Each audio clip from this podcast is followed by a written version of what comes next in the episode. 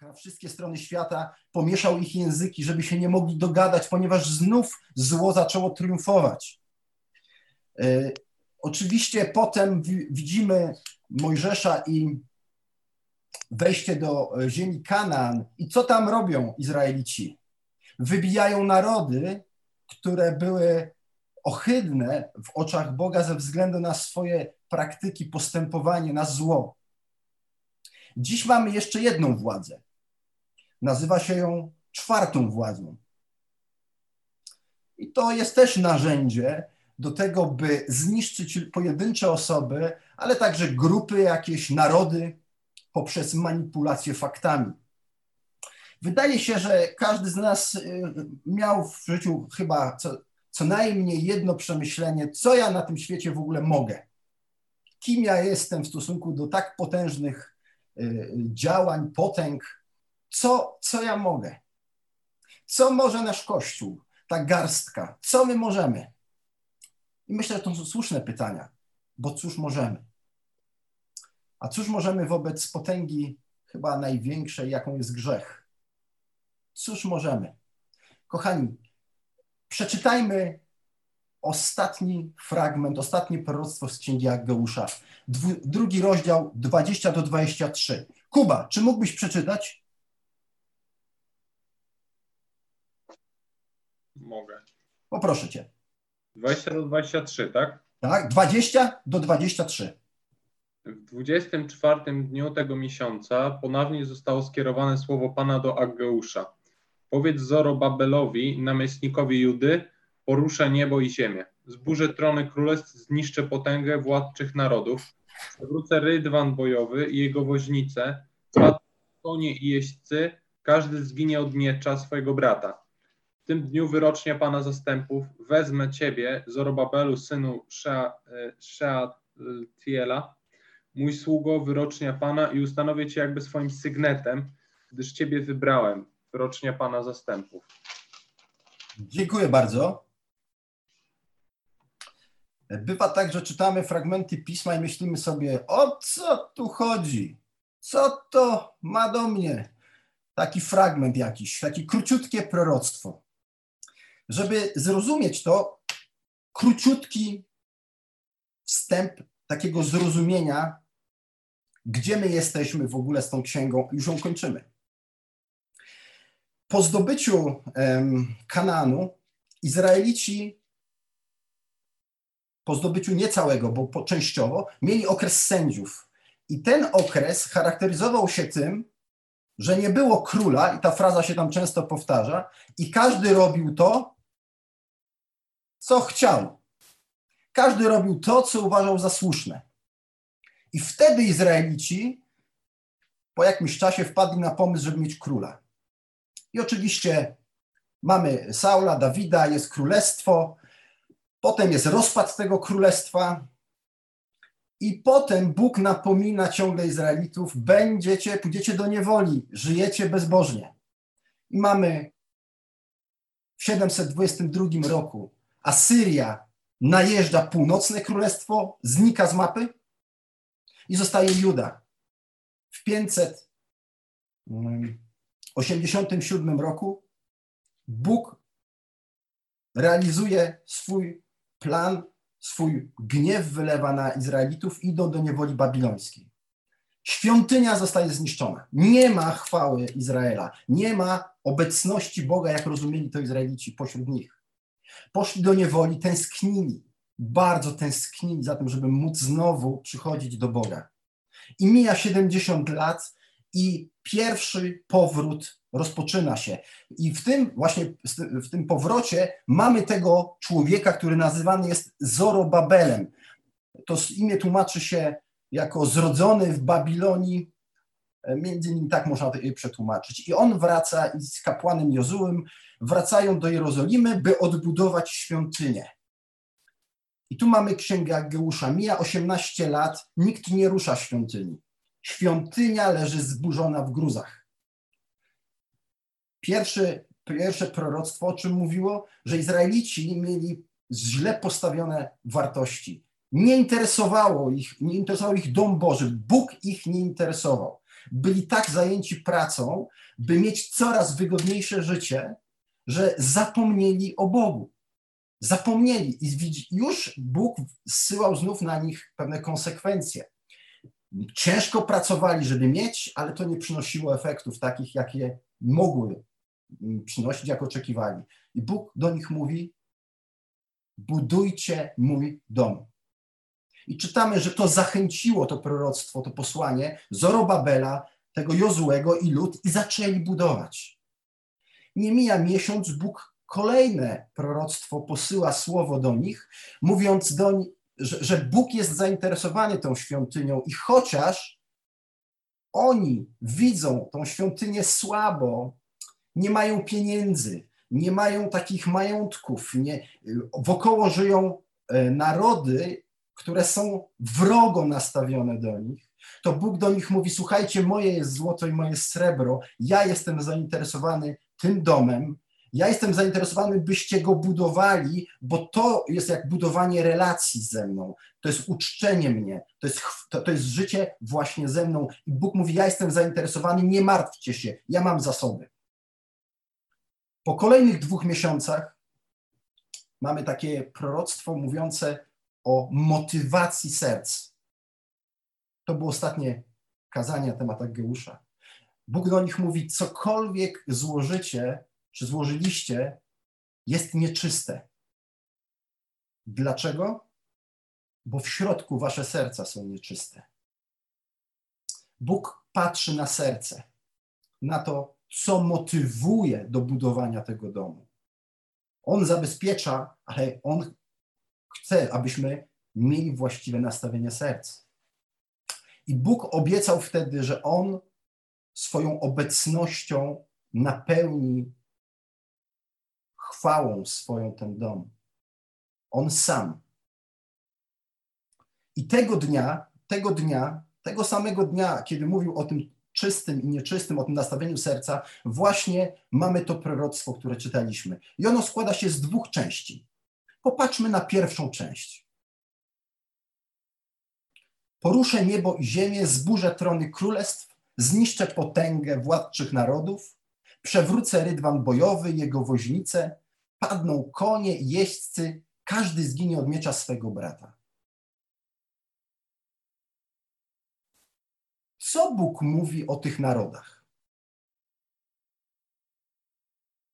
Jak Bóg postrzega te narody w tym wersecie, w tym proroctwie? Proroctwie do Zorobabela. To jest do niego słowo.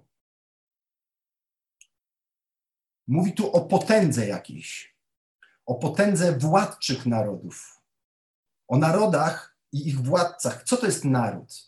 to są poszczególni ludzie, którzy tworzą całą grupę wielką, na czele której stoją jacyś władcy.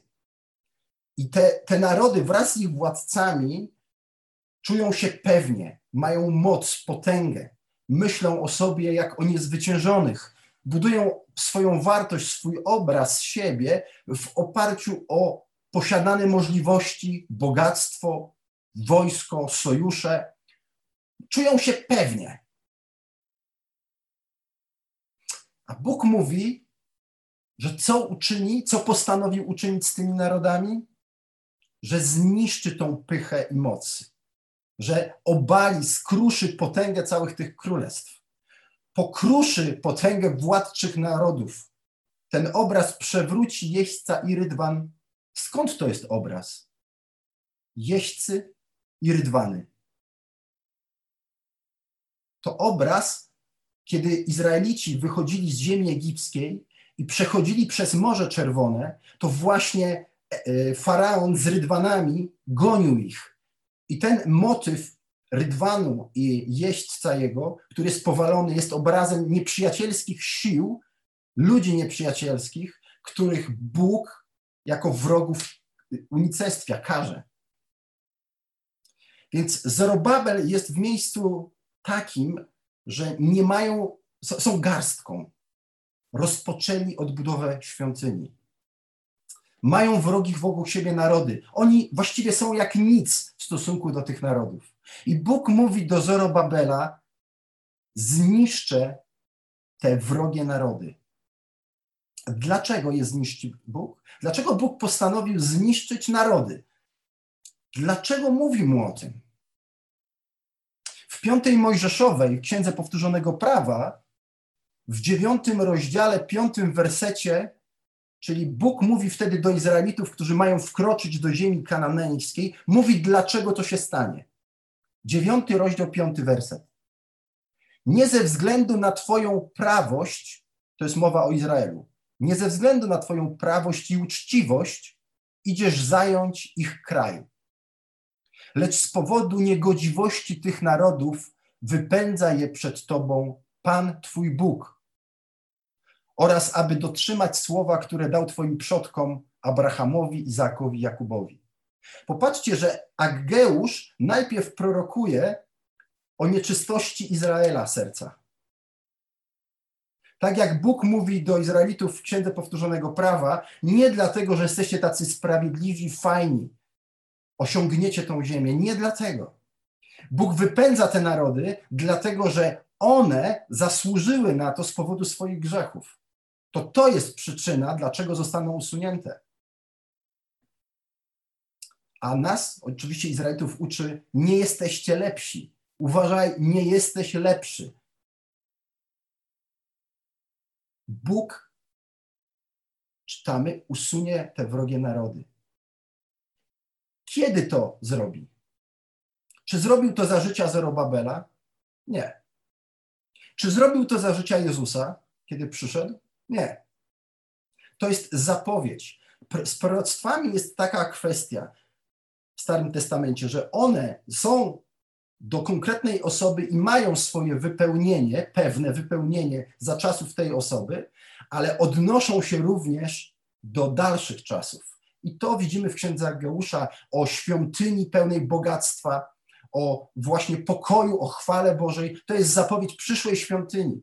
A tu jest zapowiedź tego pokonania wrogów. W dziejach apostolskich, to co mówiłem na początku naszego nabożeństwa, kiedy byli prześladowani chrześcijanie, jaki dzisiaj są, może nie my w takim stopniu, jak się modlili? Dokładnie psalmem drugim. Czemu te wrogie narody są przeciwko nam? Ale Bóg jest władcą, Bóg jest potężny, Bóg zniszczy narody. Bóg rozprawi się z, tym, z tą pychą, butą, z tym nastawieniem myślenia o sobie, co to nie ja. Bóg się z tym wszystkim rozprawi.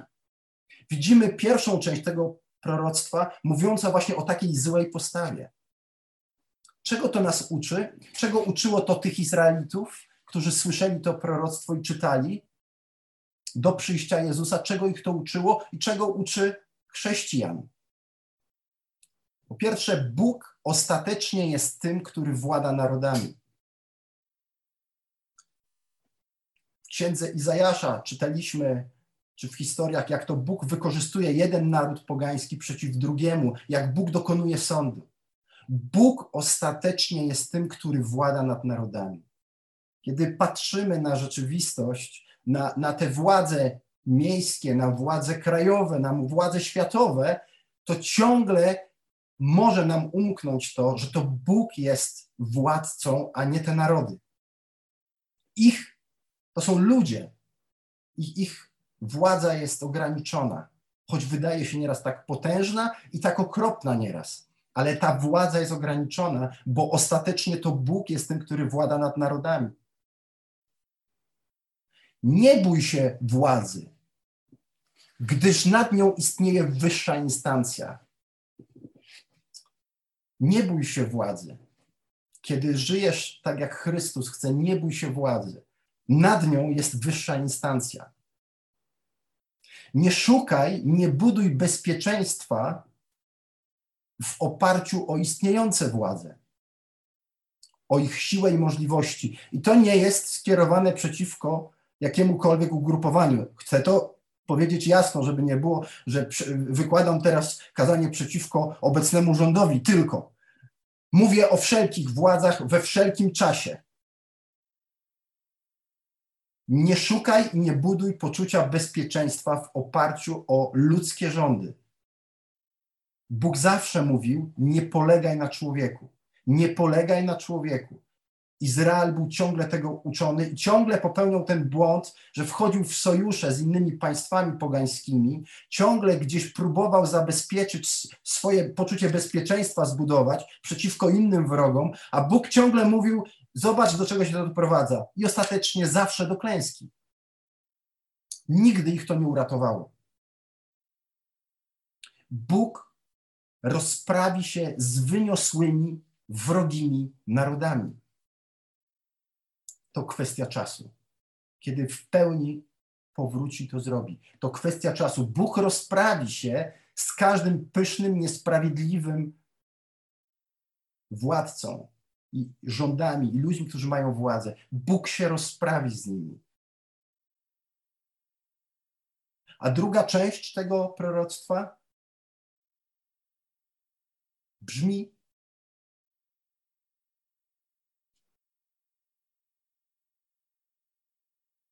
wyrocznia, w tym dniu, wyrocznia Pana zastępów, wezmę Ciebie, Zorobabelu, synu Szealtiela, mój sługo, wyrocznia Pana i ustanowię Cię jakby swoim sygnetem, gdyż Ciebie wybrałem, wyrocznia Pana zastępów.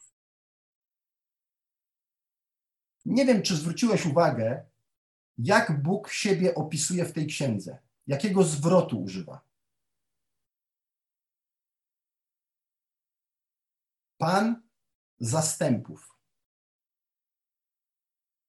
W tej księdze, kiedy Bóg przemawia, mówi o sobie Pan zastępów. Co to znaczy?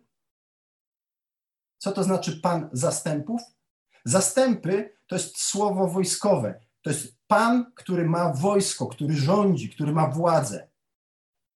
Dlaczego Bóg się tak przedstawia? Właśnie, żeby pokazać, kto jest prawdziwym władcą i kto tu rządzi. Pan zastępów.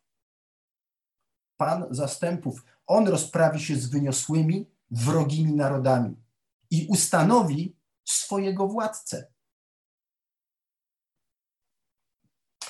Kto z nas nie chciałby mieć doskonałego szefa? Takiego no, cudownego szefa w pracy, takiego sprawiedliwego, miłosiernego, cudownego, idealnego. No kto by z nas nie chciał mieć? Kto z nas nie chciałby mieć takiego prezydenta, burmistrza, prezydenta miasta, państwa? Kto z nas nie chciałby mieć doskonały rząd? Słuchajcie, wspaniały, cudowny rząd, który rozumie swoich poddanych, który troszczy się o nich, który życie kładzie za nich, a nie inne rzeczy robi. I znów podkreślam, nie chodzi mi żeby mi nie przypisano, że chodzi mi o ten rząd. Mówię o tym, co czytam w tym tekście. O w ogóle o rządy. Chcielibyśmy kogoś takiego. I wiecie, Izraelici mieli ogromne pragnienie, kiedy były czasy sędziów, właśnie co mówiłem, nie było króla i każdy robił to, co chciał, i wpadli na pomysł. I przedstawili go Samuelowi, prorokowi. Daj nam króla jak te narody. I Bóg ich ostrzegał, bo widział, dlaczego oni to pragną. I dał im króla według ich serca i pragnienia. Wiecie, dał im Saula.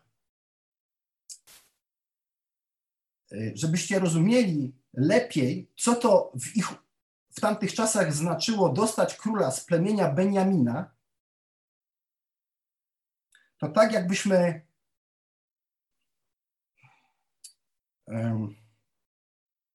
mniej więcej jakby twoim szefem miał być ktoś, kto e, jest e, z grupy przestępczej i siedział w więzieniu.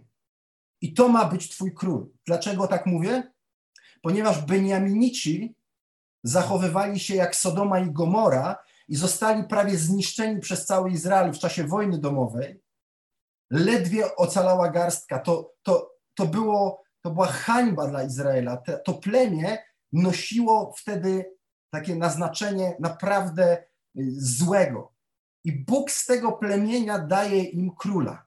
Niektórzy, jak czytamy dobrze księgi, widzimy, że nie chcieli go uznać za króla. Jak się ten król wspaniały, którego tak chcieli, jak zaspokoił ich potrzeby? Krótka chwila i z idealnego władcy okazuje się, że jest nieposłuszny Bogu, zostaje odtrącony przez Boga, ponieważ wybiera siebie, wybiera, ma poczucie wartości słabe, buduje w, w oparciu o siebie swoją władzę i Bóg go odrzuca, mówi: Nie będziesz już królem. Więc może, może następny król będzie tym idealnym, tym wspaniałym królem, Dawid. Jak często mówiłeś może sobie, chciałbym być jak Dawid? Ten wspaniały przecież człowiek, który zwyciężył Goliata. On na pewno, on tak wielbił Boga, tańczył przed skrzynią Pana. No człowiek ideał, ideał króla. Ideał króla, który w pewnym momencie uwodzi żonę swojego przyjaciela, bliskiego współpracownika z wcześniejszych wojen, które prowadził jeszcze przed tym, jak został królem. Uwodzi jego żonę i morduje tego człowieka, który jest mu tak oddany. A potem już nie jest wcale lepiej. Potem tylko widzimy ciągle upadek Dawida i jego problemy. Czy to jest idealny król? Chciałbyś takiego króla, który uczyni cię szczęśliwym? Na pewno nie. Bóg przed upadkiem z Betrzebą w drugiej Samuela w siódmym rozdziale obiecał coś, co ma znaczenie dla naszego tekstu. Powiedział tak do Dawida: Kiedy dobiegną kresu Twoje dni, siódmy rozdział drugiej księgi Samuela, i spoczniesz obok Twych przodków, ja wywyższę Twojego potomka, który wyjdzie z Twoich wnętrzości i utrwalę Jego królestwo. On zbuduje dom mojemu imieniu, a ja utrwalę tron Jego królestwa na wieki. Ja będę mu ojcem, a on będzie mi synem. Pamiętamy to sformułowanie z psalmu, z listu do Hebrajczyków? Ja będę mu ojcem, a on będzie mi synem. Jeśli zgrzeszy, będę go karał rózgą i ciosami synów ludzkich, lecz nie cofnę od niego mojej miłości, jak cofnąłem ją od Saula, którego odsunąłem od mojego oblicza. Przede mną dom Twój i królestwo będzie trwać na wieki. Tron Twój będzie niewzruszony na wieki. Bóg obiecuje Dawidowi, że jego potomek będzie na wieki. I wiemy, że Salomon nie był na wieki. A kim jest Zorobabel? Jest potomkiem Dawida. Jest z jego rodu. Bo Bóg obiecał właśnie pewnego króla, pewnego władcę, który będzie z rodu Dawida. Ale żeby było jeszcze ciekawiej, zobaczcie, jak wierny jest Bóg, jak wielki jest Bóg, ponieważ to, co tu czytamy, było zapowiedziane już w Księdze Rodzaju w 49 rozdziale, kiedy, kiedy Jakub umiera, mówi takie błogosławieństwo, takie proroctwo o Judzie. Nie oddali się berło od Judy ani buława od nóg jego, aż przyjdzie władca jego i jemu będą posłuszne narody. Bóg zapowiedział władcę, którego realizuje teraz to cały czas, przez wiele wieków realizuje swój plan. Od Judy idzie cała linia ku pewnej osobie, ku pewnemu władcy. I dziś czytamy o Zorobabelu, który też spełnił pewną rolę, ale to nie był doskonały król. Jest to zapowiedź kogoś doskonałego. Kogo? Gdzie jest ten doskonały król i władca, o którym Bóg mówi, że jego ustanowi na wieki? Wiemy o kim mowa. Za chwilkę będziemy obchodzić święta jego przyjścia dwa tysiące lat temu. Właśnie to on jest tym władcą doskonałym. To jest król. Do Zorobabela Bóg mówi: Uczynię cię pierścieniem, sygnetem. Żebyśmy to zrozumieli, to chodziło o to, że taki sygnet miał wyrzeźbione pewne rzeczy i był jak pieczęć. Czyli gdyby napisać pismo, to on to pieczętował i ono, to pismo miało y, moc prawną. Czyli Bóg mówił do Zorobabela, dam ci władzę, tak naprawdę mówił o nim, ale mówił również, że pojawi się władca, mocarz, który, któremu będą posłuszne narody. Idealny król. Idealny król. Ten idealny król przyszedł i wywrócił wszystko do góry nogami. I my żyjemy w czasach, w których on odszedł, ale powywracał na tym świecie wszystko do góry nogami. Ten idealny król. Bo on powiedział i pokazał sobą: Chcesz być wielki na tym świecie? Stań się mały. Chcesz, żeby ci służono? Nie. Ty służ, to ma wartość. To, czy, to, to jest wartość. Chcesz, by cię szanowano? Przede wszystkim ty szanuj innych, niezależnie czy masz wrogów, czy nie. Jezus odwrócił wszystko do góry nogami. Król uniżył się i oddał życie. To jest ten król i władca. I teraz jest czas łaski, kiedy on objawiał, objawił siebie jako król i władca. A jak będzie, jak zakończy się ten władca? Jak ten potomek Dawida, Zorobabela, zresztą Zorobabel jest wymieniony w rodowodzie Jezusa i w Mateuszu i w Łukaszu. Jak, jak się skończy, ta, kiedy nastąpi ta pełna władza?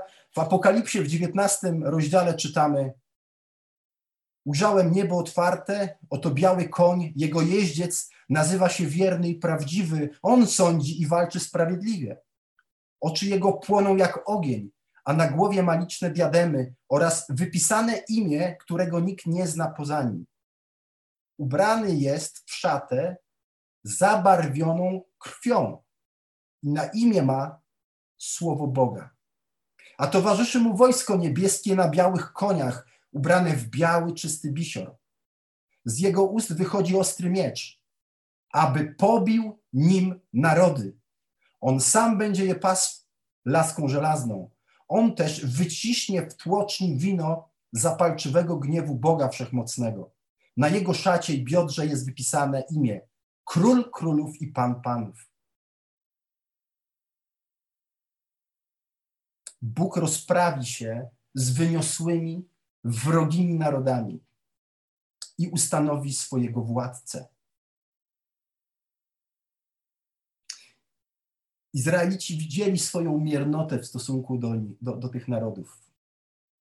Zorobabel myślę, że nie miał poczucia, co ja, znaczy lub miał poczucie właśnie, co ja tu mogę zrobić. Ale Bóg nie pyta, co może zrobić Zorobabel. Bóg mówi: Wybrałem cię. Wybrałem cię i będziesz panował. Kiedy Jezus chodził po ziemi, miał dwunastu uczniów. No miał też 72 jeszcze innych.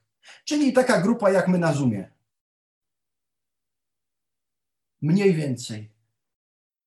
Gdybyśmy mieli powiedzieć, no, to my mamy działać tak, żeby zdobyć ten świat, to raczej powiedzielibyśmy, chyba nie za bardzo. Ale co powiedział Jezus?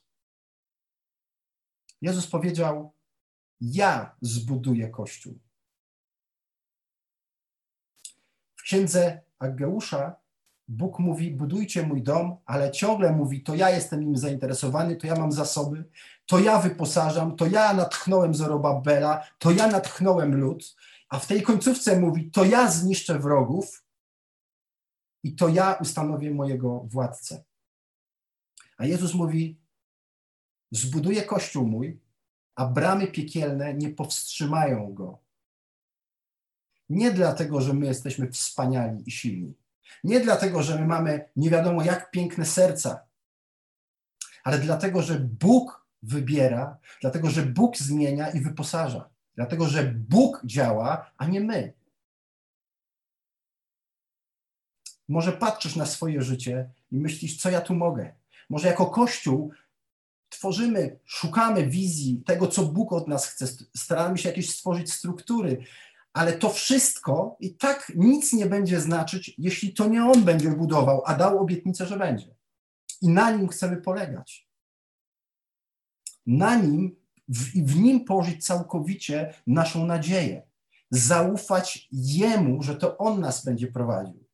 Nie ufać sobie, nie jak te narody, oparte o swoje tylko możliwości, ale jak właśnie Bóg przemawia: zaufaj mi, ja będę prowadził, ja będę działał.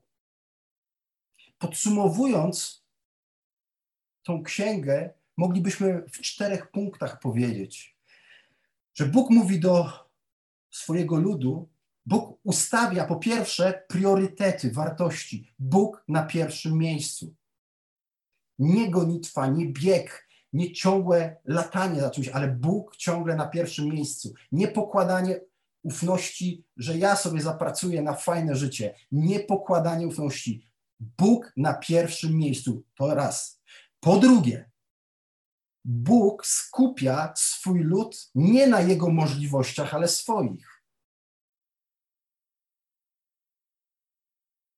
Nie na tym, jak bardzo się wysilisz, to się uda. Bo wtedy polegamy na własnych. Po pierwsze Bóg, po drugie Jego możliwości, nie nasze. Po trzecie, Bóg zmienia motywację. Bóg bada nasze serce i zmienia nasze motywacje, nasze nastawienie. Także służenie Mu to zaszczyt. Służenie Mu to wdzięczność za okazaną miłość i łaskę, bo to jest władca, który zniszczy narody, ale zobaczcie, jak bardzo okazuje łaskę swojemu ludowi. Oddał życie, kocha. To jest ten Bóg, ten władca, prawdziwy król, który oddał życie.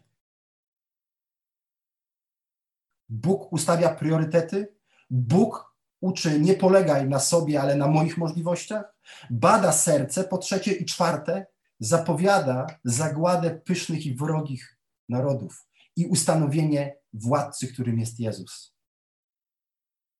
Dlatego teraz będziemy za chwilkę w grupach i spróbujemy odpowiedzieć sobie na dwa pytania.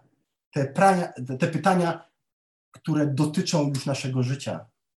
Jak panowanie Jezusa wpływa na Twoje życie? Jak to, że Jezus jest władcą, tym obiecanym, który ma przyjść który już przyszedł, ale który znów powróci, jak jego panowanie wpływa na Twoje życie, decyzje, opinie o świecie, zaangażowanie w Kościół, jak to, że On jest Panem, wpływa na Ciebie? I drugie pytanie, jaka jest Twoja nadzieja związana z powtórnym przyjściem Jego? Co daje Ci prawda w codziennym życiu, co daje ona Kościołowi, że Jezus przyjdzie powtórnie i że zmieni tą rzeczywistość? Co ta prawda daje Ci? Co, jak, jak wiąże się z Twoją nadzieją? Czy żyjesz tą nadzieją? Jak pobudza Cię to do życia?